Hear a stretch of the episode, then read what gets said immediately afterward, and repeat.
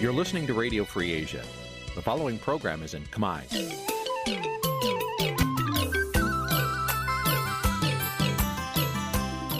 Nǐ chi càm bi tiệp xáy vệt chiu a zì sê ray នេះជាកម្មវិធីផ្សាយរបស់ Vithu Azisari ជាភាសាខ្មែរ វិទ្យុអាស៊ីសេរីសូមស្វាគមន៍លោកអ្នកនាងទាំងអស់ពីរដ្ឋធានី Washington នៃសហរដ្ឋអាមេរិក បាទប្រធានាធិបតីវ៉ាស៊ីនតោនខ្ញុំបាទទីនសាការីយ៉ាសូមជម្រាបសួរលោកនាងកញ្ញាទាំងអស់ជាទីមេត្រី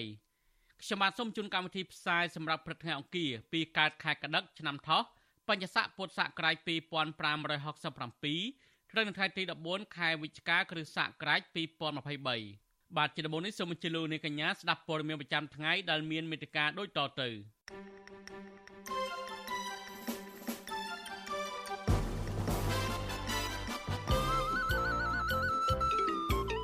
អ្នកខ្លោមើលថាលោកទាសីហាទៅទស្សនកិច្ចនៅវៀតណាមតំណងជាចុងថ្នមចិត្តវៀតណាមរឿងកម្ពុជាកាន់តែខិតជិតទៅចិនលោកហ៊ុនម៉ាណែតថានឹងប្រឹងប្រែងស្ដារវិស័យទេសចរឡើងវិញអ្នកជំនាញប្រវត្តិសាស្ត្រចោទថាវីដេអូស្ត្រីវៀតណាមនៅប្រាសាទអង្គរវត្តប៉ះពាល់ដល់តម្លៃវប្បធម៌ខ្មែរបរដ្ឋនៅខេត្តស្ទឹងត្រែងស្នើរដ្ឋាភិបាលឲ្យជួយអន្តរាគមន៍ករណីតម្លៃគោនិងក្របីធ្លាក់ចុះ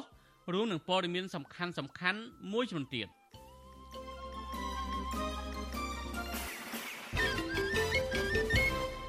បាទលោកនាយកទីមេត្រីជាបន្តទៅនេះខ្ញុំបាទធីនសាការីយ៉ាសូមជូនព័ត៌មានពិស្ដារដ្ឋមន្ត្រីក្រសួងការពារជាតិលោកទាសីហាកំពុងបំពេញទស្សនកិច្ចនៅប្រទេសវៀតណាមដើម្បីរឹតចំណងការទូតនិងពង្រឹងកិច្ចសហប្រតិបត្តិការផ្នែកយោធា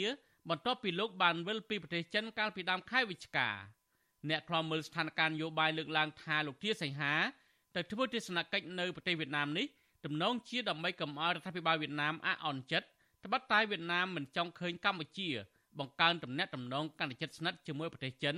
ពីព្រោះអាចបង្កការគំរាមកំហែងសន្តិសុខនានាដល់ប្រទេសវៀតណាមបាទប្រធានាធិបតីវ៉ាស៊ីនតោនលោកមានរដ្ឋរាយការណ៍ព័ត៌មាននេះក្នុងជំនួបទ្វេភាគីរវាងរដ្ឋមន្ត្រីការពារជាតិកម្ពុជា លោកទាសីហា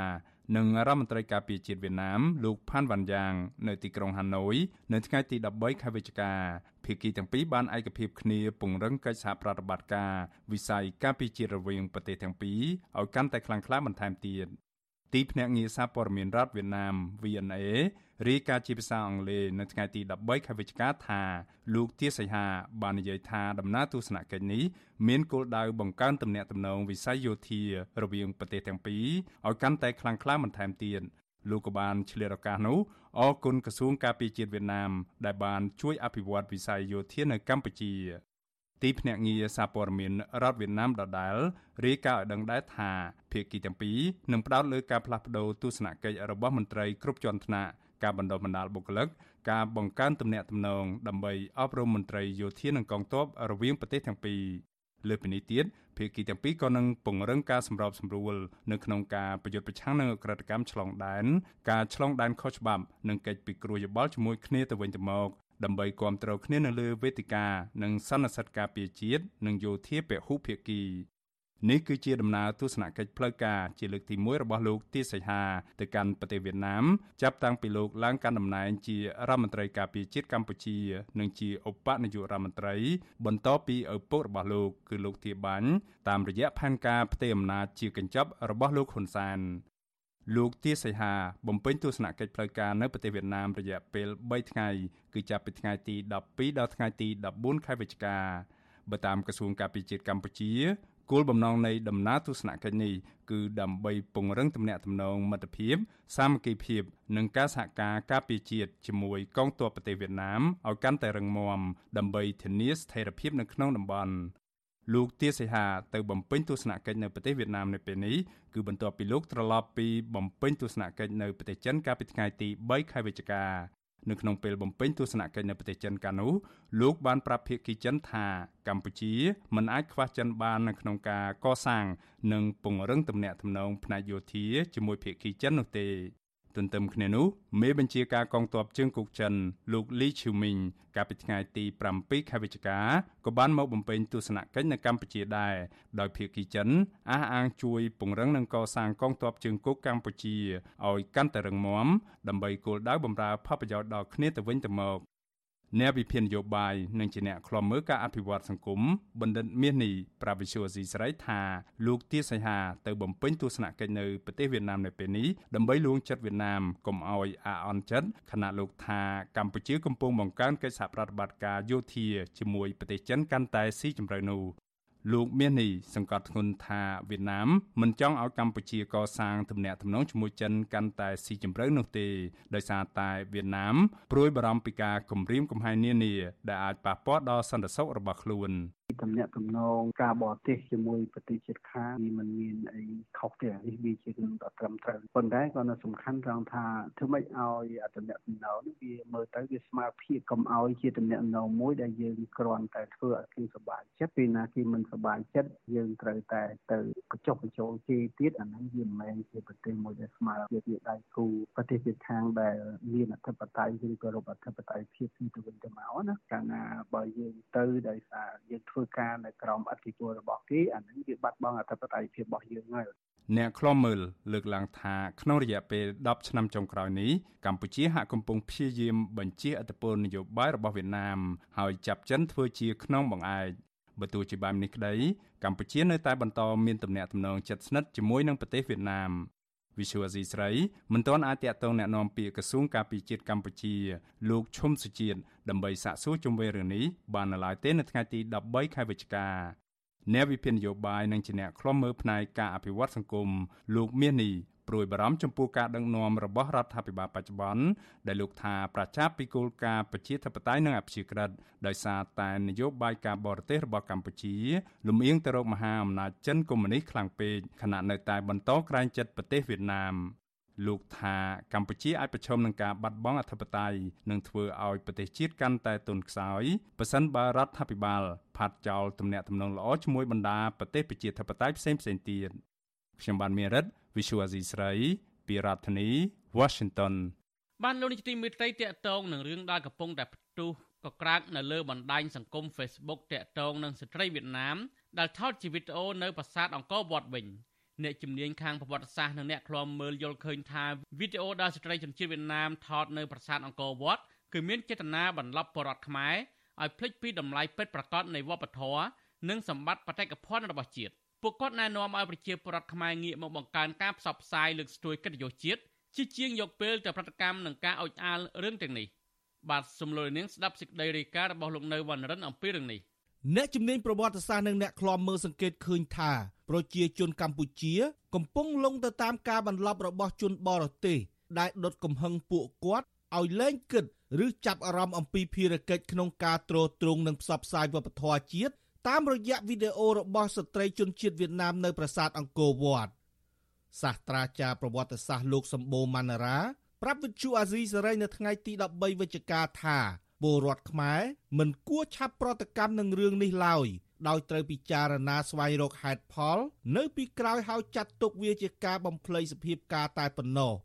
ផ្ទុយទៅវិញ លោកជំរុញឲ្យពលរដ្ឋខ្មែរត្រូវយល់ដឹង និងប្រកាន់ភារកិច្ចចម្បងរបស់ខ្លួនក្នុងនាមជាអ្នកការពារនិងលើកស្ទួយវប្បធម៌ជាតិដោយងាកមកបង្កើនការផ្សព្វផ្សាយអរិយធម៌វប្បធម៌និងកេរ្តិ៍ឈ្មោះកម្ពុជាឲ្យល្បីសុះសាយលើឆាកអន្តរជាតិជាជាងយកពេលមកកើតទុកបុកម្នេញតាមការបញ្ឆេះកំហឹងរបស់ជនបរទេសនោះចឹងយើងទៅចាញ់ច្រាបអាគេម្នាក់ពីរនាក់បើធ្វើអញ្ចឹងសូមនាំគ្នាឈប់រសើបរឿងហ្នឹងទៅ ហើយនាំគ្នាឲ្យតម្លៃទៅលើអ្វីជាកិត្តិយសរបស់ជាតិតាមរយៈការធ្វើរបស់យើងម្នាក់ម្នាក់សូមឲ្យតម្លៃទៅលើការអភិវឌ្ឍជាតិការទ្រទ្រង់វប្បធម៌ជាតិតាមតម្លៃដែលយើងអាចធ្វើបានសម្រាប់ម្នាក់ម្នាក់ដើម្បីជាតិទៅផង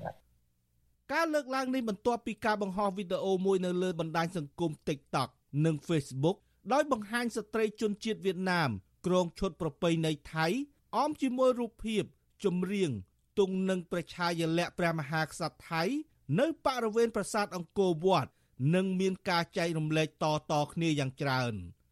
ករណីនេះបណ្ដាលឲ្យប្រជាពលរដ្ឋខ្មែរមួយចំនួនមិនពេញចិត្តបញ្ចេញមតិរិះគន់ថាជាអរិយាប័ត្រឆ្គាំឆ្គងនៅក្នុងតំបន់ប្រាសាទដែលជាទីសក្ការៈរបស់បុព្វបុរសខ្មែរ។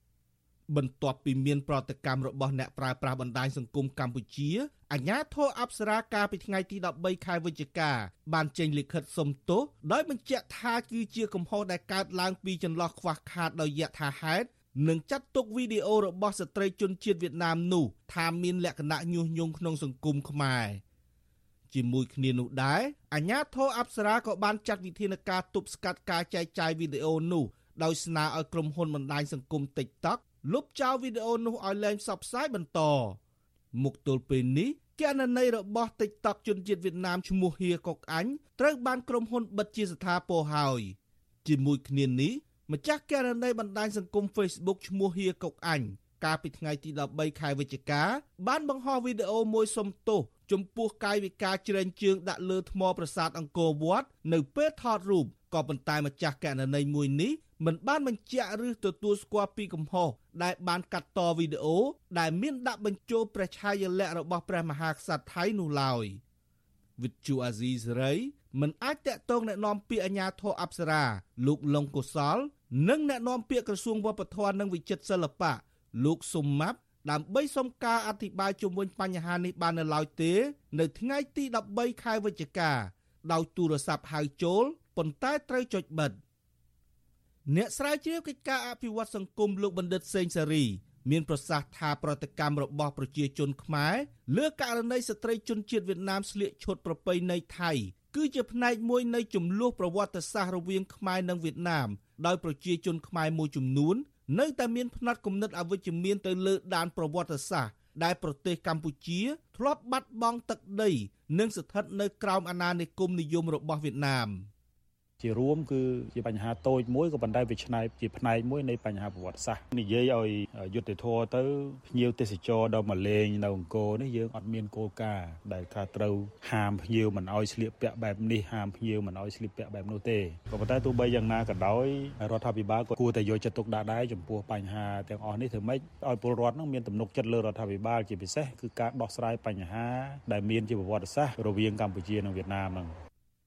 អ្នកជំនាញប្រវត្តិសាស្ត្រនិងអ្នកឃ្លាំមើលលើកឡើងថាការបើកចំហឲ្យប្រជាជនចូលរួមលើដំកើងវប្បធម៌ជាតិតាមរយៈការថតរូបឬវីដេអូស្រស់ស្អាតយកទៅបង្ហោះនៅលើបណ្ដាញសង្គមគឺជារឿងចាំបាច់ដែលអាជ្ញាធរគូគិតគូខណៈប្រជាពលរដ្ឋខ្លួនឯងត្រូវមានការយល់ដឹងពីការផ្សព្វផ្សាយប្រកបដោយភាពត្រឹមត្រូវតាមប្រវត្តិសាស្ត្រនិងមិនត្រូវបញ្ចេញប្រតិកម្មឬកំហឹងតាមការដុតបញ្ឆេះនៅលើប្រព័ន្ធបណ្ដាញសង្គមនោះឡើយ។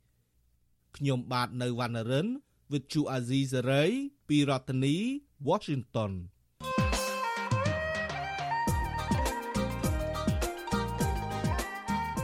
លោកអ្នកនាងជាទីមេត្រី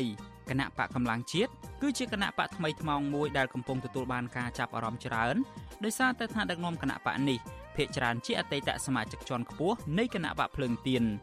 ម្យ៉ាងវិញទៀតគណៈបកនេះបានប្រកាសថានឹងអនុវត្តតាមគោលគំនិតដើមនៃគណៈបកភ្លើងទៀនតើគណៈបកកម្លាំងជាតិមានគោលជំហរនិងទិសដៅនយោបាយបែបណាខ្លះហើយថាតើគណៈបកនេះអាចនឹងក្លាយជាដៃគូប្រកួតប្រជែងជាមួយនឹងគណៈបកប្រជាជនកម្ពុជា នៅក្នុងរយៈពេលវែងបានដែរឬមួយក៏យ៉ាងណាបាទនេះគឺជាប្រធានបទនៃវេទិកាអ្នកស្ដាប់វិទ្យុអាស៊ីសេរីនៅយប់ថ្ងៃអង្គារទី14ខែវិច្ឆិកានេះ។ បាទប្រសិនបើលោកអ្នកនាងមានសំណួរចង់សួរវាគ្មិនរបស់យើង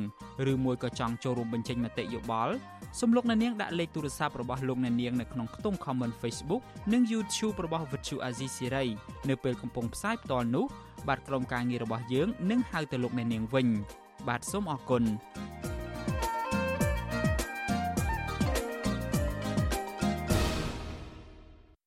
បាទលោកនីតិមេត្រីតេ តងនឹងវិស័យទេសចរដែលកំពុងតែធ្លាក់ចុះវិញ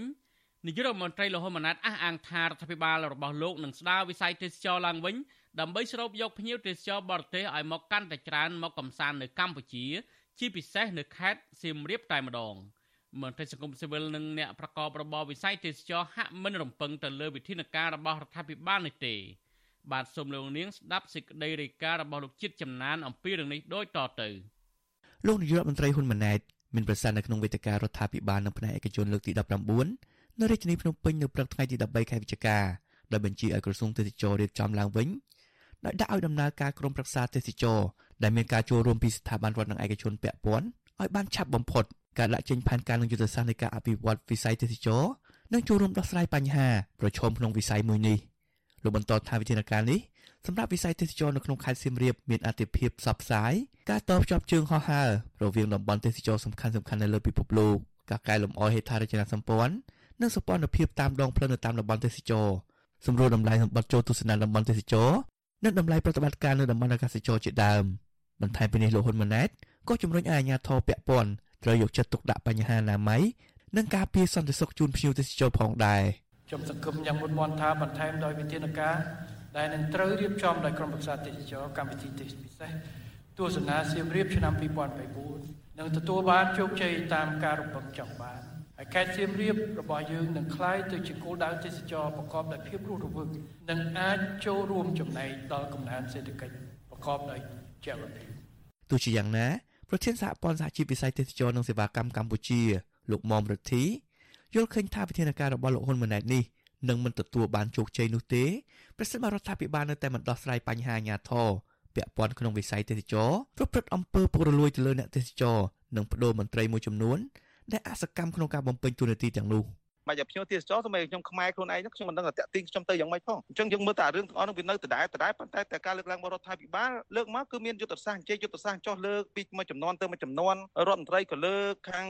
ក្រសួងពាក់ព័ន្ធក៏លើកក៏ប៉ុន្តែយើងអត់ឃើញមានកំណែតម្រង់នឹងឲ្យវាស៊ីជម្រៅថាអាចទទួលយកបានណាហើយអាការលើកដែលលើកឲ្យធ្វើអត់បានជោគជ័យនឹងហើយតែធ្វើឲ្យមានការរិះគន់ធ្វើឲ្យប្រជាជនមើលទៅថាគ្រាន់តែមានតែការការលើកការលើកប៉ុន្តែផលិតផលហ្នឹងវាអត់ឃើញអ្វីដែលជាកំណែជួទេសចរមានហើយកំណែតម្រង់ហ្នឹងយើងមើលទៅវាអត់ឃើញមានអញ្ចឹងហើយតែយើងធ្វើឲ្យមានការធ្លាក់ចុះហ្នឹងឯងដោយឡែកម្ចាស់ស្ថានភាពនៅខេត្តសៀមរាបលោកអាងឆាលថ្លែងថាបើទោះបីជាអំឡុងពេលនេះជារដូវដែលសម្បូរភ្ញៀវទេសចរដើរកម្សាន្តក៏ដោយក៏ប៉ុន្តែនៅខេត្តសៀមរាបហាក់មិនសូវមានភ្ញៀវទេសចរអន្តរជាតិនោះទេលោកបញ្ជាក់ថាបញ្ហានេះកើតឡើងដោយសារតែកម្ពុជាខ្វះការផ្សព្វផ្សាយបញ្ហាអំពើពុករលួយពីសំណាក់អាជ្ញាធរពាក់ព័ន្ធទៅលើភ្ញៀវទេសចរនិងខ្វះការរៀបចំលម្អនៅតំបន់ទេសចរឲ្យបានត្រឹមត្រូវជាដើម។ មួយទៀតយើងមើលវិស័យកសិកម្មរបស់យើងអត់មានសោះប្រទេសជិតខាងគេក៏នៅវិស័យកសិកម្មគេអាចស្រូបទាញទេសចររបស់គេតែរបស់យើងអត់មានទេមានតែប្រាសាទមួយហ្នឹងហើយយើងទៅមើលតាមបឹងទលេសាបទឹកនឹងសបើខែប្រាំងគឺបាច់មើលហ្មងភ្ញៀវមកគាត់រិះគន់ហើយយើងមើលតាមរមណីយដ្ឋានកំសាន្តដូចភ្នំកលែនអីយើងទៅមើលបើខែភាសាបាច់សិលសម្រាមហើយទឹកគឺអត់ស្អាតទេហើយភ្ញៀវគាត់មកក៏រិះគន់ផ្លូវវាលំបាក ហើយសម្បត្តិថ្លៃរបាយការណ៍របស់ក្រសួងទេសចរឲ្យដឹងថារយៈពេល8ខែក្នុងឆ្នាំ2023មានភ្ញៀវទេសចរបរទេសមកកំសាន្តនៅកម្ពុជា ជាង3លាន5សែននាក់ពលគឺការឡើងជាង250%បើធៀបនឹងរយៈពេលដូចគ្នាកាលពីឆ្នាំ2022តែទោះជាយ៉ាងណាមន្ត្រីសង្គមស៊ីវិលថាតួលេខកំណើនទេសចរនេះនៅមានចំនួនតិចតួចនៅឡើយបើធៀបនឹងប្រទេសជិតខាងដូចជាប្រទេសថៃជាដើមដែលមានភ្ញៀវទេសចរជាង15លាននាក់បើធៀបនឹងរយៈពេលដូចគ្នា មន្ត្រីសង្គមស៊ីវិលនិងអ្នកប្រកបរបរវិស័យទេសចរលើកឡើងថាដើម្បីដោះស្រាយបញ្ហានេះរដ្ឋាភិបាលគួរតែលុបបំបាត់អំពើពុករលួយនៅតាមប្រលានយន្តហោះនិងច្រកទ្វារព្រំដែនដើម្បីសម្រួលដល់ការធ្វើដំណើរដល់ភ្ញៀវទេសចរបន្ថែមពីនេះរដ្ឋាភិបាលគួរតែកែលម្អបរិស្ថាននៅតំបន់ទេសចរឲ្យមានភាពស្រស់បំព្រងហើយបង្កើតកម្មវិធីកម្សាន្តសម័យថ្មីឲ្យបានច្រើននៅក្នុងខេត្តសៀមរាបនិងខេត្តដែលមានសក្តានុពលលើវិស័យទេសចរ ដើម្បីតាក់ទាញភ្ញៀវទេសចរឲ្យស្នាក់នៅកម្ពុជាឲ្យបានច្រើនថ្ងៃជាដើមខ្ញុំបាទជាចំណាន Visual Society ប្រធានាទី Washington បានលោកនីតិមេត្រីនៅឆ្លោបពេលដែលលោកហ៊ុនម៉ាណែតកំពុងតែដឹកនាំប្រទេសដែលទទួលយកអំណាចបន្តពីឪពុករបស់លោកលោកហ៊ុនសែននោះក្រុមអ្នកប្រជាធិបតេយ្យឯនេះវិញកំពុងតែស្វះស្វែងរកផ្លូវដើម្បីប្រកបប្រជែងជាមួយគណៈបកកណ្ដាលអំណាចនាពេលខាងមុខលោករងឈុនដែលបានលាលែងទូរនទីជាអនុប្រធានគណៈបកភ្លើងទៀនទៅចូលរួមធ្វើនយោបាយជាមួយគណៈបកកម្លាំងជាតិនោះ សម្ដែងការហួសចិត្តចំពោះអ្នកនាំពាក្យក្រសួងមហាផ្ទៃលោកខៀវសុភ័ក្របានគម្រិតកំហែងគណៈបកកម្លាំងជាតិដែលបានទទួលយករូបលោកជាទីប្រឹក្សាគណៈបកនោះលោករងឈុនអះអាងថាតឡាការមិនបានហាមលោករឿងធ្វើនយោបាយនោះឡើយម្យ៉ាងទៀតលោកក៏ធ្លាប់បានធ្វើជាអនុប្រធានគណៈបកភ្លឹងទៀនហើយដែររឿងអីលោកធ្វើជាទីប្រឹក្សាគណៈបកកម្លាំងជាតិមិនបាននោះបាទតើលោករងឈុនមានប្រតិកម្មបែបណាចំពោះរឿងនេះបាទសូមលោកនាងរងចាំស្ដាប់បទសម្ភាសន៍រឿងនេះពិស្ដារនៅពេលបន្តិចនេះបាទសូមអរគុណ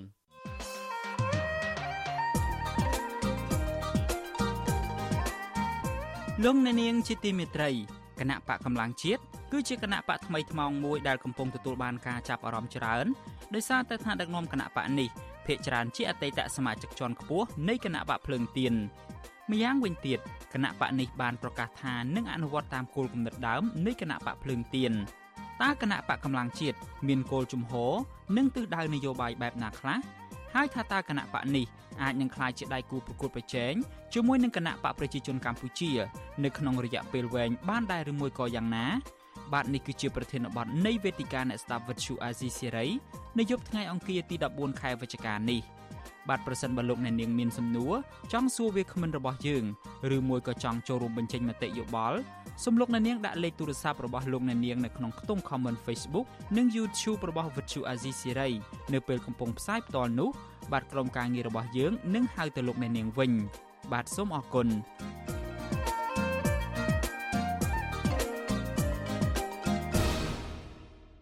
បានលុយទីមេត្រីនៅឆ្លោះពេលដែលរងជនកំពុងតែរងការគំរាមកំហែងពីក្រសួងមហាផ្ទៃនោះគ្រូសាជនជាប់ឃុំគណៈបកប្រឆាំងម្នាក់គឺលោកតូចថង កំពុងរងសម្ពាធផ្លូវចិត្តជាខ្លាំងក្រោយពេលអាជ្ញាធរបានផ្ទេរទៅឃុំឃាំងនៅពន្ធនាគារដាច់ស្រយាលឆ្ងាយពីគ្រួសារនិងមិត្តភ័ក្តិគ្រួសារនិងមន្ត្រីសិទ្ធិមនុស្សស្នើដល់អាជ្ញាធរពាក់ព័ន្ធពិចារណាក្នុងការផ្ទេរលោកតូចថងមកពន្ធនាគារនៅភ្នំពេញវិញដើម្បីជៀសវាងការរិះគន់នានាថាករណីនេះជាប់ពាក់ព័ន្ធនឹងការធ្វើទុកបុកម្នេញ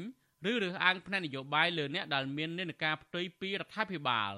បាទសូមលោកនាងស្ដាប់សេចក្តីរាយការណ៍របស់លោកច័ន្ទដារ៉ូអំពីរឿងនេះដូចតទៅ។ គ្រួសារបារម្ភអំពីស្ថានភាពសុខភាព និងស្មារតីរបស់លោកតូចថងដែលមានវ័យចំណាស់និងមានជំងឺប្រចាំកាយថាអាចដុនដាបជាងពេលជាប់ឃុំនៅក្នុងពន្ធនាគារព្រៃសរពីព្រោះការផ្ទេរទៅពន្ធនាគារនៅតំបន់ឆ្ងាយ បានបង្កការលំបាកដល់ពួកគេក្នុងការធ្វើដំណើរទៅសួរសុខទុក្ខនិងការផ្គត់ផ្គង់ចំណីអាហារមិនបានគ្រប់គ្រាន់ដោយពេលមុនជាដើម។ ប្រពន្ធរបស់មន្ត្រីគណៈបកភ្លើងទៀនប្រចាំខេត្តកំពង់ចាម លោកតូចថងគឺអ្នកស្រីសវណ្ណាប្រវត្តិជអាស៊ីស្រីនៅថ្ងៃទី13ខែវិច្ឆិកាក្រោយពេលជួបប្តីថា អ្នកស្រីបានចំណាយពេល2ថ្ងៃធ្វើដំណើរពីភ្នំពេញ និងចំណាយសហុយជាច្រើនដើម្បីមកសួរសុខទុក្ខផ្ញើថ្នាំពេទ្យម្ហូបអាហារនិងសម្ភារៈមួយចំនួនទៀតជូនប្តីនៅពន្ធនាគារ ជាប់ជើងភ្នំក្រវាញប៉ុន្តែអ្នកស្រីឲ្យដឹងថាអ្វីដែលគ្រួសារអ្នកស្រីខ្លោចចិត្តនោះគឺលោកតូចថងក្នុងសម្លៀកបំពាក់អ្នកទោសរងសម្ពាធផ្លូវចិត្តរហូតដល់យំនៅមុខអ្នកស្រី បានរៀបរាប់អំពីទុក្ខលំបាកជាពិសេសគាត់ខកចិត្តចំពោះអាញាធរបញ្ជូនទៅឃុំឃាំងនៅពន្ធនាគារក្នុងតំបន់ព្រៃភ្នំឆ្ងាយពីប្រពន្ធកូនដែលឃើញគាត់ស្រក់ទឹកភ្នែ កព្រោះគាត់ថាគាត់នឹងរឿងមកណាដល់ពេលយកគាត់ទៅយើងយកមិនស្មានហើយខ្ញុំសួរគាត់ថាហ្មងនឹងដឹងអត់គាត់ថាអត់ដឹងខ្លួនទេនិយាយខ្លីទៅខ្ញុំដឹងថាគាត់នឹងខូចផ្លូវចិត្តហើយព្រោះឃើញគាត់យំហ្នឹងដឹងថាគាត់ខូចហើយមនុស្សគាត់មិនងាយយំផ្ដាំងទេគាត់ខូចចិត្តហើយគាត់ខូចចិត្តយកគាត់ទៅឆ្ងាយហើយឲ្យកូនគាត់វុទ្ធនាដោយសារគាត់ទៅជាមួយគាត់ទៅរកឪពេលខ្ញុំក៏ទៅក៏ពិបាកទៅគាត់ក៏នៅនោះក៏វាពិបាកដូចថាជូនគាត់ទៅនៅតែឯ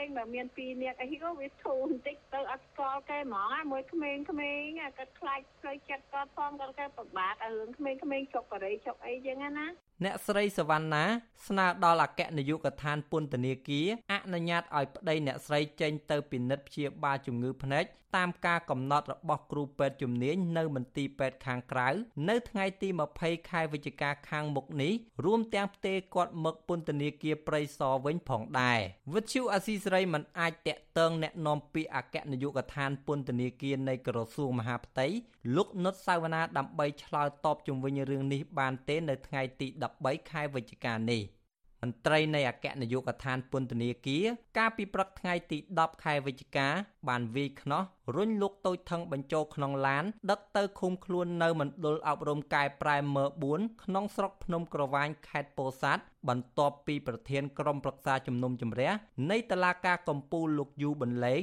បានបដិសេធលើបណ្ដឹងស្នើសុំនៅក្រៅឃុំបណ្ដោះអាសន្នជុំវិញរឿងនេះ អ្នកនាំពាក្យសមាគមការពារសិទ្ធិមនុស្សអាត6លោកសឹងសែនករណាសង្កេតឃើញថាសកម្មជនគណៈបកប្រឆាំងជាប់ឃុំមួយចំនួន តែងតែរងនៅអំពើអយុត្តិធម៌និងការដាក់សម្ពាធផ្លូវចិត្តជាបន្តបន្ទាប់លោកបន្តថាការផ្ទេរសកម្មជនទាំងនោះ ទៅឃុំខ្លួននៅពន្ធនាគារឆ្ងាយពីគ្រួសារមិនសមហេតុផល បាននាំឲ្យមហាជនរិះគន់ថា ជាការធ្វើទុកបុកម្នេញបន្ថែមទៀតដែលអាជ្ញាធរគួរពិចារណារឿងនេះឡើងវិញយើងឃើញហើយស្ថានភាពនយោបាយនៅក្នុងប្រទេសយើងនៅតែរងការរិះគន់ពីសហគមន៍អន្តរជាតិនៅតែទទូចស្នើឲ្យមានការបើកនៅលំហ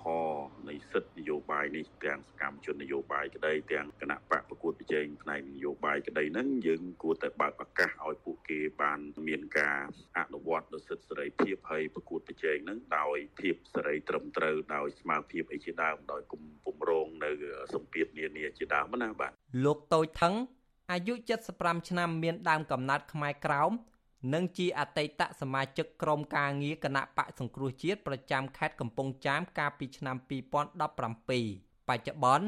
លោកជាប្រធានគណៈកម្មាធិការប្រតិបត្តិគណៈបកភ្លើងទៀនប្រចាំខេត្តកំពង់ចាមដដែលអាជ្ញាធរក្រុងភ្នំពេញបានចាប់ខ្លួនលោករួមជាមួយមន្ត្រីគណៈបកភ្លើងទៀនពីររូបផ្សេងទៀត គឺលោកខឿនវិរៈនិងអ្នកស្រីនូសុធារីកាលពីថ្ងៃទី24ខែមិនិនាក្រោយតឡាការក្រុងភ្នំពេញកាត់ទោសពួកគេឲ្យជាប់ពន្ធនាគារ2ឆ្នាំពីបទក្លែងបន្លំឯកសារក្នុងការបង្កើតគណៈបកបេដងជាតិកាលពីឆ្នាំ2021ការចាប់ខ្លួននេះគឺ6ម៉ោងមុនពេលតឡាការក្រុងភ្នំពេញកាត់ទោសលោកសៀងភ្លុកឲ្យជាប់ពន្ធនាគារ2ឆ្នាំ6ខែក្នុងបទចោទដូចគ្នាខ្ញុំ ច័ន្ទដារោវុទ្ធុអាស៊ីសេរី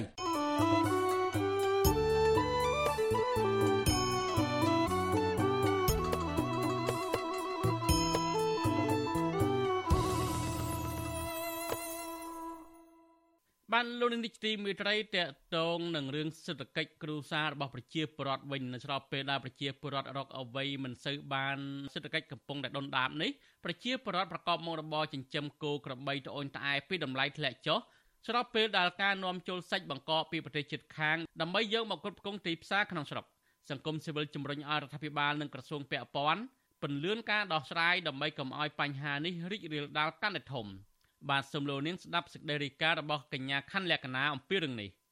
ពលរដ្ឋប្រកបមុខរបរចិញ្ចឹមសត្វមួយចំនួននៅស្រុកសៀមបូកខេត្តស្ទឹងត្រែងព្រួយបារម្ភបញ្ហាជីវភាពបន្ទាប់ពីតម្លៃសត្វគោនិងក្របីដែលពួកគេចិញ្ចឹមដើម្បីលក់នោះបានធ្លាក់ចុះជាបន្តបន្ទាប់ ពលរដ្ឋប្រកបមុខរបរចិញ្ចឹមសត្វក្របីរស់នៅភូមិសៀមបោកឃុំសៀមបោកលោកសាយខយប្រាប់វិសុអេស៊ីសេរីនៅថ្ងៃទី13វិច្ឆិកាថាកាលពីអំឡុងឆ្នាំ2019គ្រួសារគាត់លក់ក្របីមួយក្បាលបានតម្លៃ1000ទៅ1500ដុល្លារប៉ុន្តែបច្ចុប្បន្នតម្លៃនេះបានធ្លាក់មកត្រឹម500ដុល្លារខណៈក្របីដែលគាត់ចិញ្ចឹមប្រើរយៈពេល5ទៅ6ឆ្នាំទៅបានលក់លោកថា ប្រសិនបើតម្លៃសត្វគោនិងក្របីបន្តធ្លាក់ចុះទៀតនោះវានឹងប៉ះពាល់ដល់សេដ្ឋកិច្ចគ្រួសាររបស់គាត់ព្រោះសប្តាហ៍ថ្ងៃនេះគាត់គ្មានរកចំណូលអ្វីផ្សេងក្រៅពីពឹងផ្អែកលើចំណូលពីមុខរបរចិញ្ចឹមសត្វដើម្បីដោះស្រាយបញ្ហាជីវភាព និងសងបំណុលនោះទេ អានឹងចាំឲ្យធ្វើមានធ្វើមិនកើតទេព្រោះវាតម្លៃថោកគោក៏មួយ50ម៉ឺន40ម៉ឺនអញ្ចឹងទៅចាំបានតាន់ជ្រូកមួយហ្នឹងតម្លៃជ្រូកវាថ្លៃជាងគោ3បាត់ហើយអញ្ចឹងបានហៅវាអា5 6ឆ្នាំហ្នឹងវាដូចតែបើសិនលក់ដូចមុនបានថ្លៃណា5លានទៅ6លាននេះទៅចាឥឡូវរក2លានឃើញហ្នឹង5 6ឆ្នាំនេះវាខកហ្នឹងហើយព្រោះ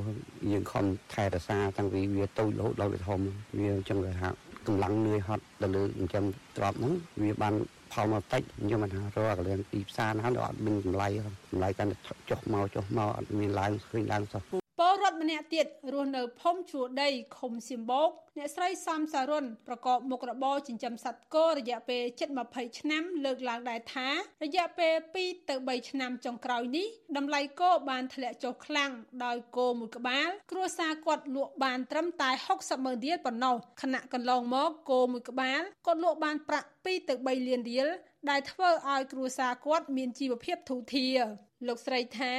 ចំណូលដែលរកបានពីការចិញ្ចឹមគោនេះមិនត្រឹមតែជួយដោះស្រាយបញ្ហាជីវភាពគ្រួសារនិងសងបំណុលធនាគារនោះទេ តែវាក៏អាចនៅសល់ប្រាក់ខ្លះដើម្បីសន្សំទុកដែរប៉ុន្តែចាប់តាំងពីតម្លៃគោធ្លាក់ចុះមក បានធ្វើឲ្យជីវភាពគ្រួសារគាត់លំបាកជាងមុន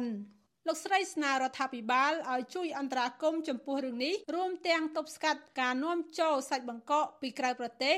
ដោយថាការនាំចូលសាច់ទាំងនោះបានប៉ះពាល់ដល់ពលរដ្ឋក្នុងស្រុកជាពិសេសអ្នកចិញ្ចឹមសត្វបើសិនថាគោយើងមាននាំចេញតណាតណីដូចឆ្នាំមុនមុនគោក៏ថ្លៃក្បីក៏ថ្លៃដែរឥឡូវខ្ញុំរកឮថាមានគោនាំចេញផងភាគច្រើនឮថានាំមកសាច់ស្អីគេមកដាក់ថងស្រេចស្រេចមកមានអ្នកកាប់គាត់ដូចថាអ្នកស្គាល់គ្នាច្បាស់ហ៎ គាត់លួចប្រាប់ទៅបើចង់ហូបគោប្រាប់ពីប្រភេទសាច់មិនសាច់មិនខ្ញុំគិតថាមកពីនាំមកពីគេបើសិនថាมันមាននាំមកពីគេគោទោះបីគុតពងទីផ្សារស្រុកយើងគឺវាមិនថោកដែរវិទ្យុអស៊ីសេរីមិនអាចសុំការថាធិប្បាយបញ្ហានេះពីប្រធានអង្គភិបអ្នកនាំពាក្យរដ្ឋាភិបាលលោកប៉ែនបូណានិងអ្នកនាំពាក្យក្រសួងកសិកម្មកញ្ញាអមរជនាបានទេ នៅថ្ងៃទី13វិច្ឆិកាដោយទូរស័ព្ទចូលគ្មានអ្នកទទួល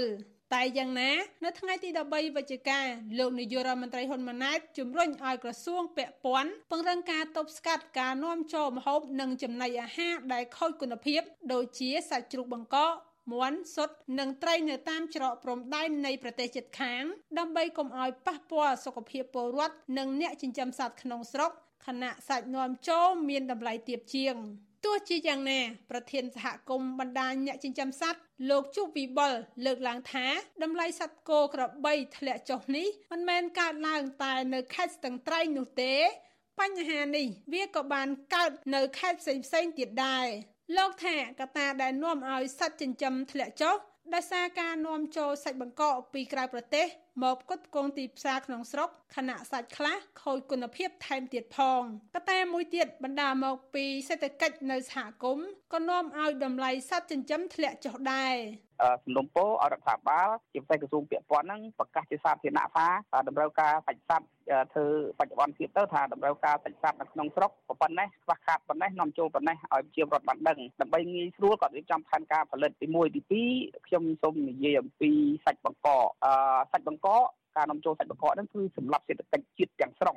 លោក chu វិបលទទូចឲ្យរដ្ឋាភិបាល ដោះស្រាយបញ្ហាគោក្របីធ្លាក់ថ្លៃឲ្យបានឆាប់ដើម្បីលើកទឹកចិត្តកសិករចិញ្ចឹមសត្វនិងលើកស្ទួយជីវភាពរស់នៅរបស់ពួកគេ និងស្នើឲ្យទប់ស្កាត់ការនាំចូលសាច់បង្កកពីក្រៅប្រទេសព្រោះលោកថាការនាំចូលនេះក្រៅពីបង្កផលប៉ះពាល់ដល់សេដ្ឋកិច្ចជាតិហើយវាក៏បង្កគ្រោះថ្នាក់ដល់សុខភាពពលរដ្ឋដែលបរិភោគសាច់បង្កកផងដែរ ខ្ញុំខណ្ឌលក្ខណាវិសុអេស៊ីសេរី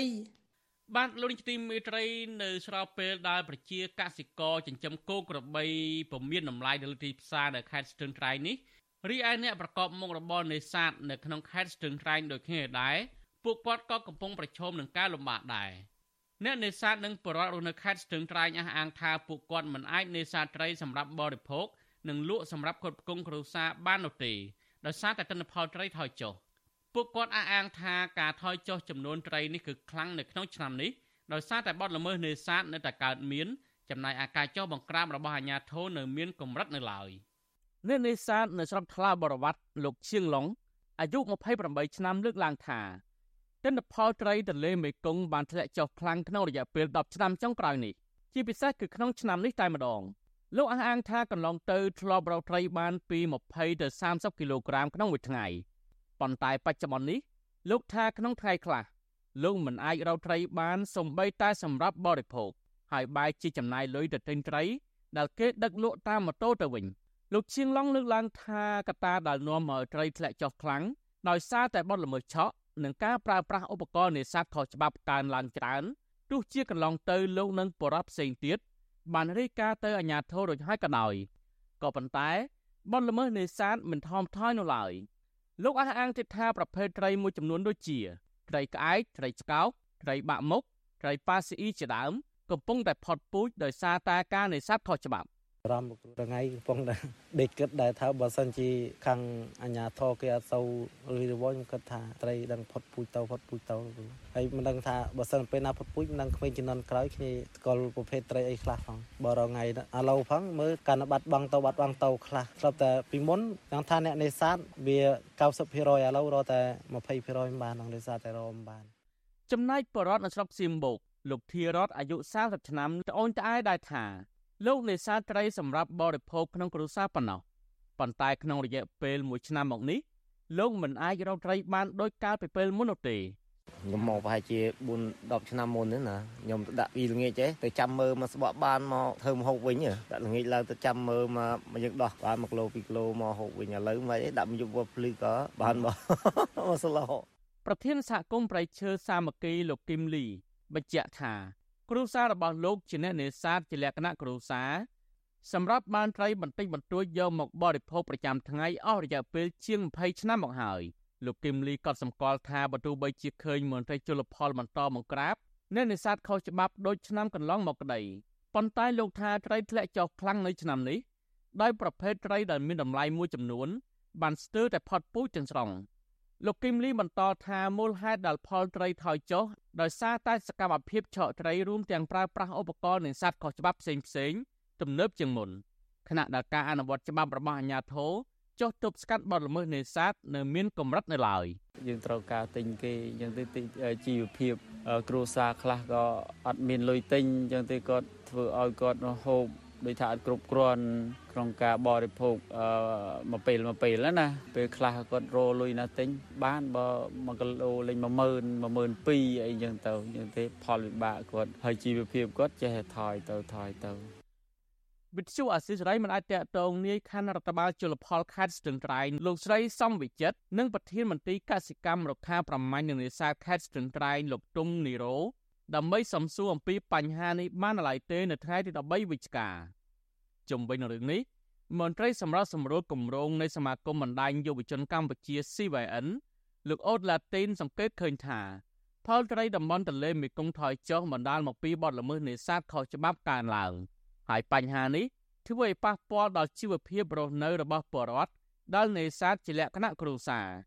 លោកថាអាញាធរត្រូវផ្សព្វផ្សាយពីវិបត្តិនិងផលប៉ះពាល់ ពាក់ព័ន្ធនឹងការនេសាទខុសច្បាប់ឲ្យបានទូលំទូលាយ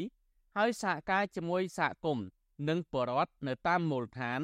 ដើម្បីឲ្យពួកគាត់ចូលរួមទប់ស្កាត់បទល្មើសផងដែរលោកអូតឡាទីនជំរុញឲ្យអាជ្ញាធរពង្រឹងការអនុវត្តច្បាប់ដោយគ្មានការរើសអើងនិងយោគយល់ទោះបីជាអ្នកនេសាទខុសច្បាប់ទាំងនោះ មានប្រាក់ឬមានអំណាចក៏ដោយ។បញ្ហាការនេសាទត្រីនេះ វាទាមទារឲ្យមន្ត្រីឬក៏ ក្រសួងដែលពាក់ព័ន្ធនឹងគឺត្រូវមានឆន្ទៈមោះមុតមែនទែននៅក្នុងការធ្វើការអនុវត្តច្បាប់ឬក៏ធ្វើការចោះបង្ក្រាបអ្នកដែលប្រព្រឹត្តបទល្មើសនឹងអ្នកប្រព្រឹត្តបទល្មើសនេសាទត្រីมันมันខុសគ្នាឆ្ងាយពីអ្នកប្រព្រឹត្តបទល្មើសព្រៃឈើទេគឺនៅក្នុងទម្រង់ដែលអ្នកមានលុយច្រើនយកលុយមកកញ្ចប់ទៅទន្លាឲ្យប្រជាពលរដ្ឋក្រីក្រឲ្យគាត់ទិញឧបករណ៍សម្ភារៈហើយគាត់ចាប់ផ្ដើមធ្វើនេសាទហើយយកត្រីយកមកលក់ឲ្យគាត់នៅក្នុងតម្លៃមួយដែលដែលរៀងទៀបសមល្មម របាយការណ៍អង្កេតលើការជួញដូរសត្វព្រៃនិងនេសាទខុសច្បាប់ជំវិញតំបន់ព្រៃឡង់របស់សមាគមបណ្ដាញយុវជនកម្ពុជា CYN ដែលចេញផ្សាយកាលពីខែសីហាឆ្នាំ2023ឲ្យដឹងថាប្រភេទត្រីអភិរក្សចំនួន5ប្រភេទត្រូវបានរកឃើញដាក់លក់នៅលើទីផ្សារក្នុងខេត្តស្ទឹងត្រែងនារដូវបិទនេសាទឆ្នាំ2023របាយការណ៍ដដែលថាត្រីអភិរក្សចំនួន5ប្រភេទរួមមានត្រីក្របីត្រីក្រពើ ត្រីប៉ារ៉ាម៉ាពីត្រីត្រសក់និងត្រីខ្លាជាដើម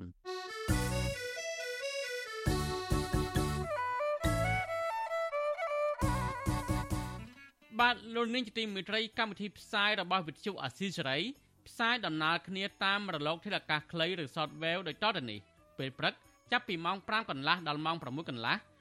តាមរយៈប៉ុស SW 93.90 MHz ស្មើនឹងកម្ពស់ 32m និងប៉ុស SW 11.85 MHz ស្មើនឹងកម្ពស់ 25m ពេលយប់ចាប់ពីម៉ោង7កន្លះដល់ម៉ោង8កន្លះតាមរយៈប៉ុស SW 93.30 MHz ស្មើនឹងកម្ពស់ 32m ប៉ុស SW 11.88 MHz ស្មើនឹងកម្ពស់ 25m និងប៉ុស SW 15.15 MHz ស្មើនឹងកម្ពស់ 20m បាទសូមអរគុណ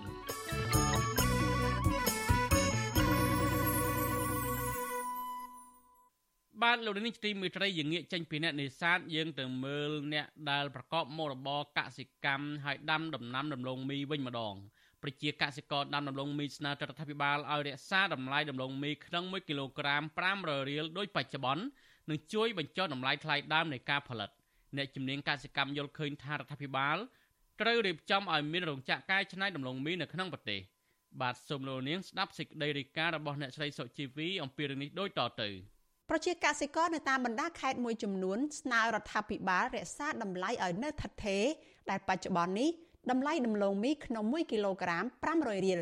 ពួកគេថាតម្លៃនេះអាចធ្វើឲ្យប្រជាកសិកររកប្រាក់ចំណេញបានតិចតួចទុកផ្គត់ផ្គង់ជីវភាពគ្រួសារការលើកឡើងនេះដោយសារតែកន្លងទៅក្រមឈ្មួញធ្លាប់បានបញ្ចុះតម្លៃទាបមកវិញ នៅពេលដែលកសិករប្រមូលផលបានច្រើន ប្រជាកសិករម្នាក់រស់នៅខេត្តត្បូងឃ្មុំលោកផុនសុផលបានរៀបរាប់ប្រាប់វិទ្យុអាស៊ីសេរីនៅថ្ងៃទី13ខែវិច្ឆិកាថាបច្ចុប្បន្នតម្លៃដំឡូងមីក្នុង1គីឡូក្រាមលក់បាន500រៀលដោយលោកចាត់ទុកតម្លៃនេះថាធ្វើឲ្យប្រជាកសិករទទួលបានប្រាក់ចំណេញខ្លះលោកព្រួយបារម្ភថាខ្លាចឈ្មួញកណ្ដាលទម្លាក់តម្លៃមកនៅទាបជាងនេះពីព្រោះពីឆ្នាំមុនមុនឈ្មួញកណ្ដាលតែងតែធ្វើបែបនេះ ហើយចុះជីជីឆ្នាំទៅមាញ់បើគេដកឆ្នាំហ្នឹងព្រោះឆ្នាំទៅយើងជីឡើង20ម៉ឺនហើយក្បាល13ហ្នឹងបាទហើយឆ្នាំឡើង10ម៉ឺនជាងអត្រាព្យួរធ្លាប់តែ7 8ម៉ឺនវាឡើង15 10ម៉ឺន40ទៀងវាមានតាមអាផាល3ផាលអីគេហ្នឹងតែបើយើងអត់ធ្វើចឹងគឺអត់កើតឥឡូវនេះធ្វើវាអត់កើតហ្មងហើយវៀតណាមវាទិញអត់ដូចមុនទេមុនវាទិញផ្លៃឡុងយកហ្មងដូចថាគីឡូទៅលក់ស្លឹងគីឡូ1គីឡូបានទិញហ្មងតែឥឡូវគេ DC កសិករម្នាក់ទៀតនៅខេត្តព្រះវិហារលោកប៊ូលីនឲ្យដឹងដែរថាតម្លៃដំឡូងមីនៅតំបន់របស់លោកក្នុង1គីឡូក្រាមចន្លោះពី3ទៅ500រៀលវាអាស្រ័យទៅលើប្រភេទដំឡូងផងដែរកសិកររូបនេះបន្ថែមថាថ្មីត្បិតតែតម្លៃបច្ចុប្បន្នមានភាពសមរម្យក៏ពិតមែនប៉ុន្តែលោកនៅមិនទាន់មានភាពកក់ក្ដៅនិងជឿជាក់នោះទេ ពីព្រោះកន្លងទៅ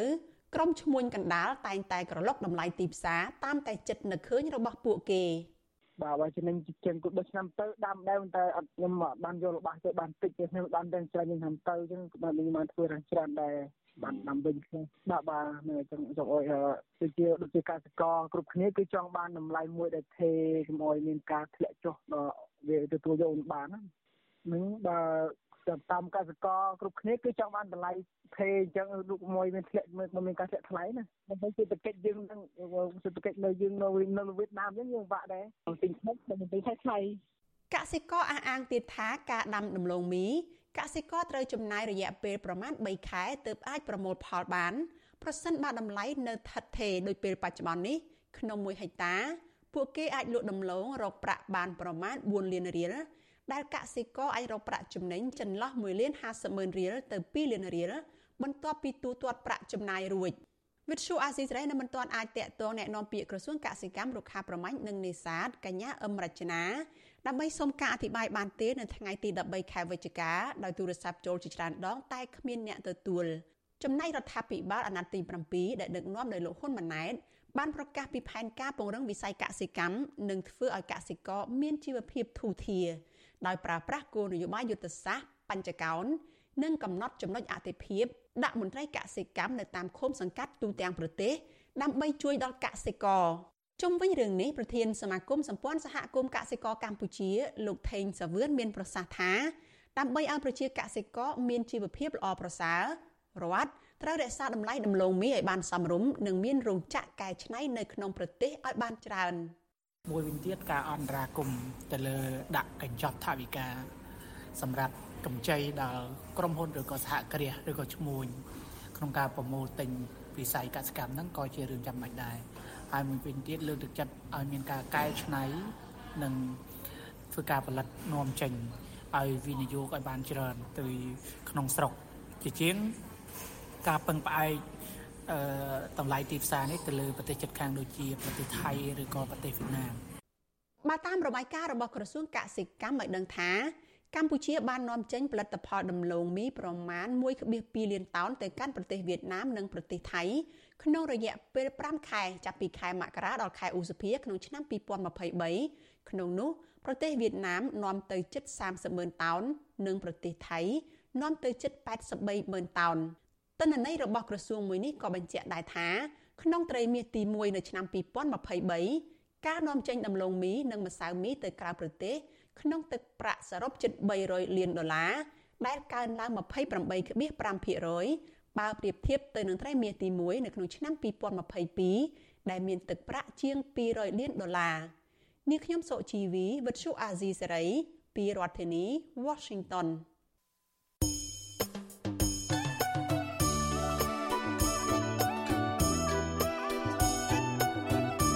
លោកនាយកទីមេត្រីក្នុងឱកាសនេះដែរខ្ញុំបាទសូមថ្លែងអំណរគុណដល់លោកនាងកញ្ញាទាំងអស់ដែលតែងតែមានភក្ដីភាពចំពោះការផ្សាយរបស់យើងហើយចាត់ទុកការស្ដាប់វិទ្យុអាស៊ីសេរីជាផ្នែកមួយនៃសកម្មភាពប្រចាំថ្ងៃរបស់លោកនាងការគ្រប់គ្រងរបស់លោកអ្នកនាងនេះហើយដែលធ្វើឲ្យយើងខ្ញុំមានទឹកចិត្តកាន់តែខ្លាំងថែមទៀតក្នុងការស្វែងរកនិងផ្តល់ព័ត៌មានជូនលោកអ្នកនាងមានអ្នកស្ដាប់មានអ្នកទស្សនាកាន់តែច្រើនកាន់តែធ្វើឲ្យយើងខ្ញុំមានភាពស្វាហាប់មោះមុតជាបន្តទៅទៀតយើងខ្ញុំសូមអរគុណទុកជាមុន ហើយសូមអញ្ជើញលោកនាងកញ្ញាចូលរួមជំរុញឲ្យសកម្មភាពផ្តល់ព័ត៌មានរបស់យើងនេះកាន់តែជោគជ័យបន្ថែមទៀតលោកនាងអាចជួយយើងខ្ញុំបានដោយគ្រាន់តែចុចចែករំលែកឬ share ការផ្សាយរបស់យើងនៅលើបណ្ដាញសង្គម Facebook និង YouTube ទៅកាន់មិត្តភ័ក្តិដើម្បីឲ្យការផ្សាយរបស់យើងបានទៅដល់មនុស្សកាន់តែច្រើន សូមអរគុណ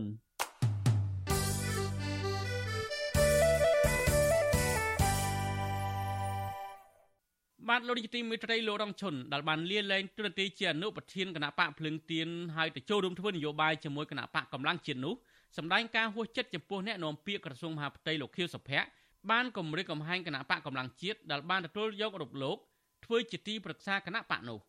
លោករងឈុនអះអាងថាតឡាការមិនបានហាមលោករឿងធ្វើនយោបាយនោះឡើយហើយម្យ៉ាងទៀតលោកក៏ធ្លាប់បានធ្វើជាអនុប្រធានគណៈបកភ្លឹងទៀនរួចហើយដែររឿងអីលោកធ្វើជាទីប្រឹក្សាគណៈបកកម្លាំងជាតិមិនបាននោះ បាទតើលោករងឈុនមានប្រតិកម្មបែបណាចំពោះរឿងនេះបាទជម្រាបសួរលោករងឈុនបាទបាទជម្រាបសួរលោកសកលយាបានលោករងជនឃើញកាលពីថ្ងៃទី12វិច្ឆិកាហ្នឹង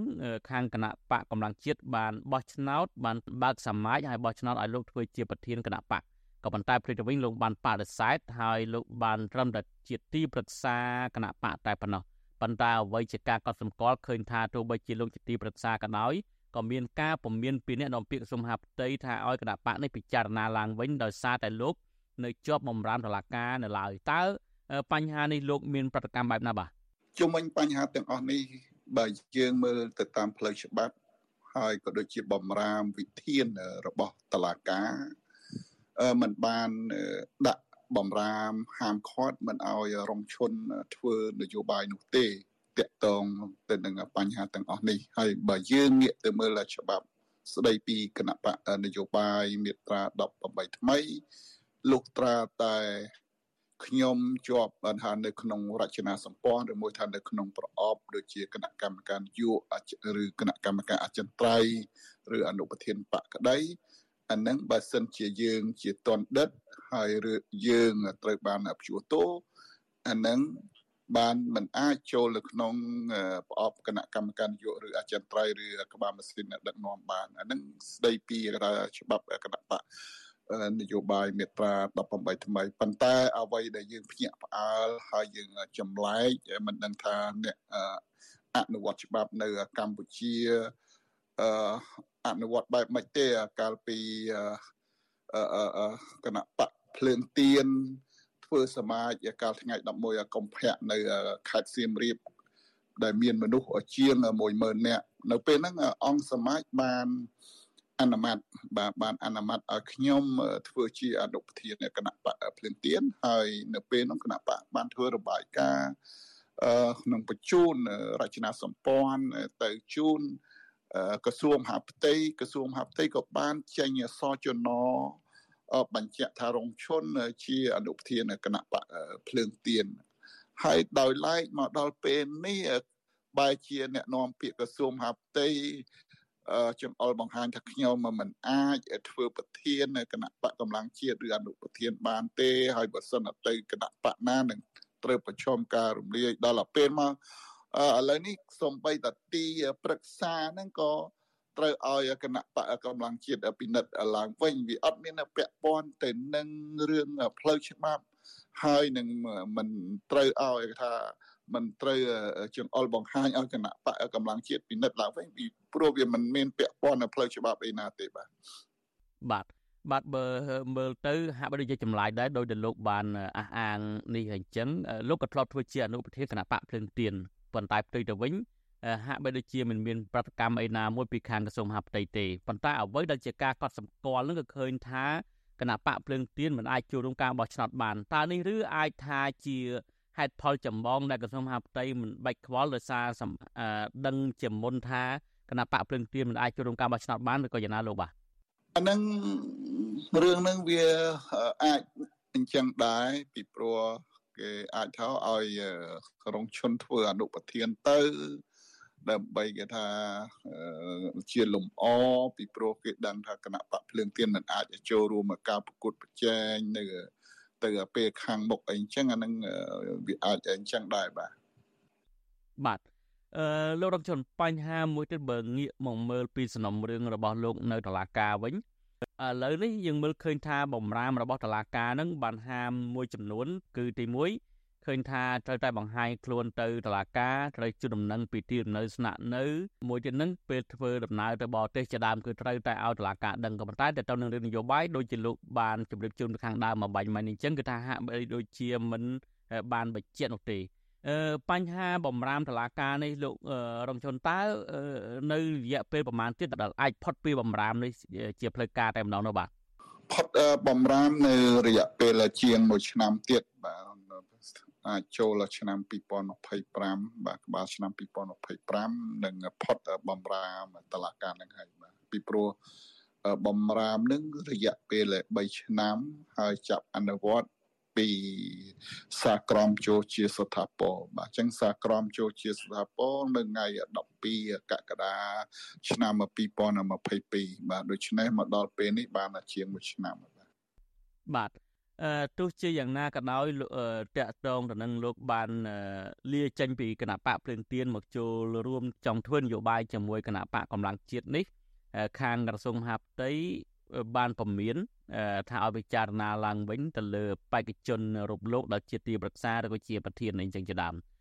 ប៉ុន្តែអ្វីជាការកត់សម្គាល់នៅក្នុងគណៈបកភ្លើងទៀនលោកជាអនុប្រធាន ហើយរយៈពេលធ្វើអនុប្រធានគណៈបកភ្លើងទៀនគឺយូរហើយដែរមិនមានប្រតិកម្មអ្វីទាំងអស់តើអ្វីជាទស្សនៈរបស់លោកវិញអ្វីជាហេតុផលសំខាន់ដែលលោកមើលឃើញថាក្រសួងមហាផ្ទៃបានចេញសារពមៀននៅពេលនេះបាទបើមើលហេតុផលសំខាន់ គេមើលឃើញថាចំណុចចាប់ផ្ដើមរបស់គណៈបកកម្លាំងជាតិដូចជាហាក់បីដូចជាមុតស្រួចហើយទៅអនាគតខាងមុខ នឹង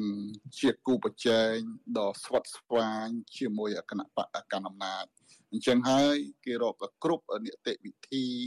សពបែបយ៉ាងដើម្បីរៀបរៀងខ្ញុំមិនអោយចូលរួម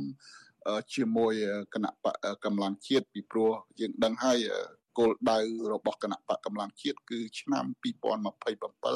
2028បោះឆ្នោតសកលបាទបោះឆ្នោតសកល ប៉ុន្តែនៅក្នុងឆ្នាំ2024នេះបោះឆ្នោតអសកលគណៈបកកម្លាំងជាតិក៏នឹងចូលរួមដែរការបោះឆ្នោតប្រសិទ្ធភាពក៏ដូចជាការបោះឆ្នោតក្រមប្រឹក្សារាជធានីខេត្តស្រុកខណ្ឌនៅពេលអនាគតដ៏ខ្លីខាងមុខនេះបាទវាមានហេតុផលអីដែលលោក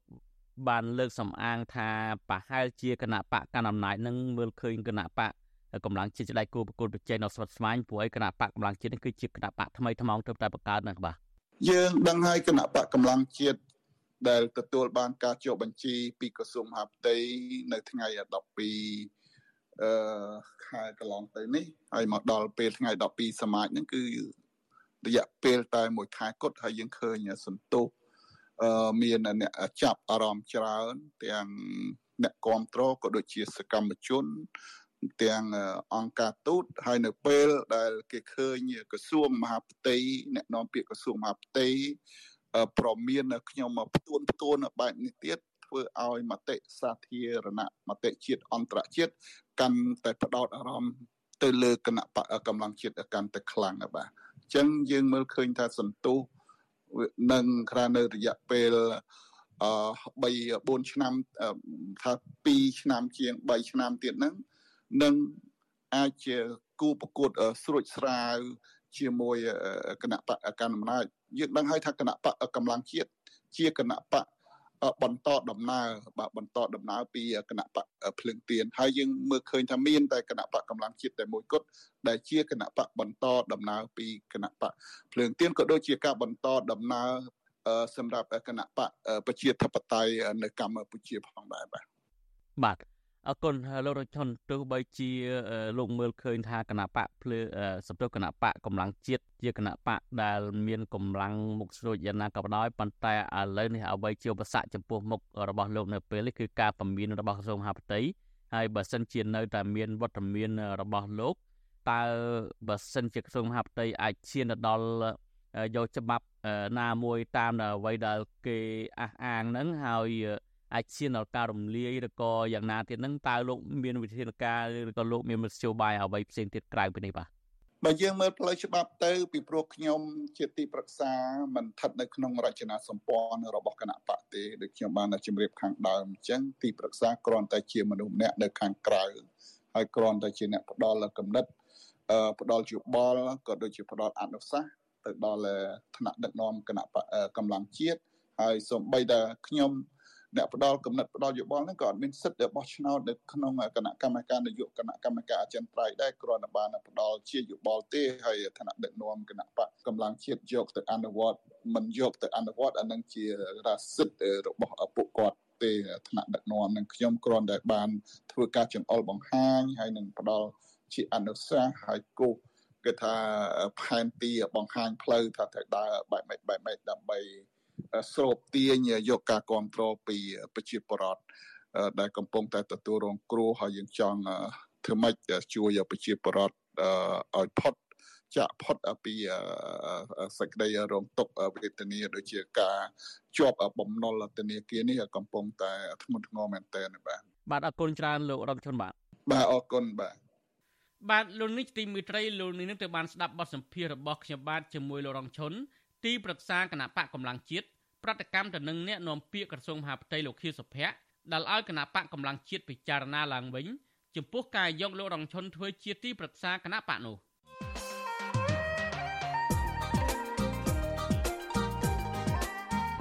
លោកអ្នកនាងជាទីមេត្រីគណៈបកកម្លាំងជាតិគឺជាគណៈបកថ្មីថ្មោងមួយដែលកំពុងទទួលបានការចាប់អារម្មណ៍ច្រើនដោយសារតែថ្នាក់ដឹកនាំគណៈបកនេះភាគច្រើនជាអតីតសមាជិកជាន់ខ្ពស់នៃគណៈបកភ្លើងទៀន ម្យ៉ាងវិញទៀតគណៈបកនេះបានប្រកាសថានឹងអនុវត្តតាមគោលគំនិតដើមនៃគណៈបកភ្លើងទៀនតើគណៈបកកម្លាំងជាតិមានគោលជំហរនិងទិសដៅនយោបាយបែបណាខ្លះហើយថាតើគណៈបកនេះអាចនឹងក្លាយជាដៃគូប្រកួតប្រជែងជាមួយនឹងគណៈបកប្រជាជនកម្ពុជា នៅក្នុងរយៈពេលវែងបានដែរឬមួយក៏យ៉ាងណា បាទនេះគឺជាប្រធានបទនៃវេទិកាអ្នកស្ដាប់វិទ្យុអាស៊ីសេរីនៅយប់ថ្ងៃអង្គារទី14ខែវិច្ឆិកានេះ បាទប្រសិនបើលោកអ្នកនាងមានសំណួរចង់សួរវាគ្មិនរបស់យើងឬមួយក៏ចង់ចូលរួមបញ្ចេញមតិយោបល់សូមលោកអ្នកនាងដាក់លេខទូរស័ព្ទរបស់លោកអ្នកនាងនៅក្នុងខ្ទង់ comment Facebook និង YouTube របស់វិទ្យុអាស៊ីសេរីនៅពេលកំពុងផ្សាយផ្ទាល់នោះបាទក្រុមការងាររបស់យើងនឹងហៅទៅលោកអ្នកនាងវិញ បាទសូមអរគុណ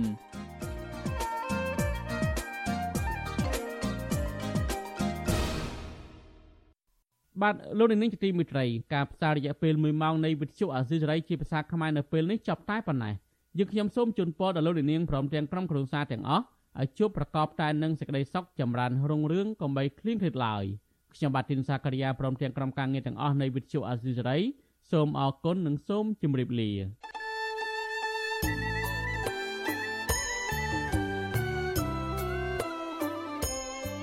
វិទ្យុអេស៊ីសរ៉ៃផ្សាយតាមរលក ធារកាសខ្លីតាមកម្រិត និងកម្ពស់ដូចតទៅនេះ ពេលព្រឹកចាប់ពីម៉ោង5កន្លះដល់ម៉ោង6កន្លះតាមរយៈប៉ុស SW 93.90 MHz ស្មើនឹងកម្ពស់ 32m និងប៉ុស SW 11.85 MHz ស្មើនឹងកម្ពស់ 25m ពេលយប់ចាប់ពីម៉ោង7កន្លះដល់ម៉ោង8កន្លះតាមរយៈប៉ុស SW 93.30 MHz